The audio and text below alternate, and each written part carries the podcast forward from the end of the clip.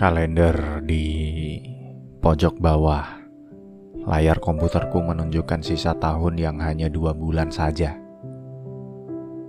Sialnya tahun ini aku menjalani kehidupanku sendiri. Setelah tiga tahun sebelumnya aku menjalaninya dengan kondisi yang hampir sama persis. Saat musim kemarau tiba, aku menikmati es teh manis yang menyegarkan itu dengan diriku sendiri. Meneguknya hanya bersama kesepian, sehingga suara air mengalir melalui tenggorokan begitu jelas terdengar bahkan oleh tetanggaku. Saat musim hujan tiba, aku tidak perlu berdesak-desakan dengan orang lain di bawah payungku.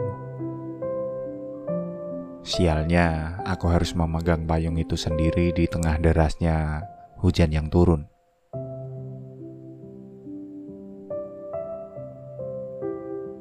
Sebelum aku menjalani tahun-tahun itu hingga kini aku menjalani hidup bersama seseorang.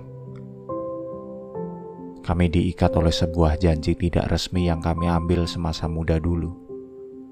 Janji yang berisi bahwa kami tidak akan saling meninggalkan dan menelantarkan apa pun kondisinya. Sayangnya waktu itu kami lupa bahwa hidup selalu lebih mudah ketika belum dijalani. Begitu kami sudah masuk terlalu jauh, ada beberapa hal yang menjadi lebih berat dan beberapa hal lain menjelma menjadi lebih sulit. Seperti di tahun terakhir kami yang tidak sedikit pun berisi kemesraan dan malah cenderung penuh dengan pertikaian. Dari apa yang aku alami, aku menemukan keengganan.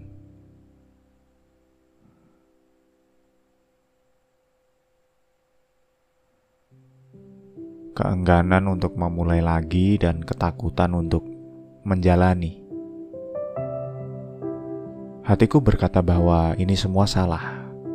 Tidak seharusnya aku berhenti mengagumi orang lain hanya karena ketakutan dari masa lalu tapi kepalaku bersikeras mendebat dengan logikanya.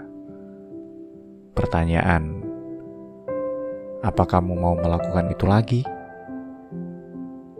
Usaha yang kamu jalani dengan susah payah, waktu yang kamu berikan untuk seseorang,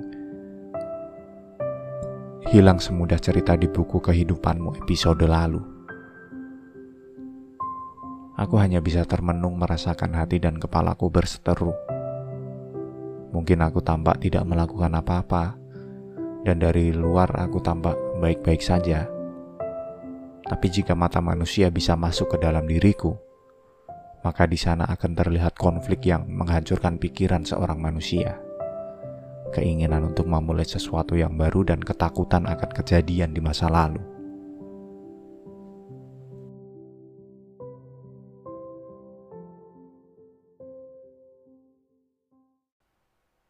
Terima kasih teman-teman yang sudah mendengarkan podcast literasi.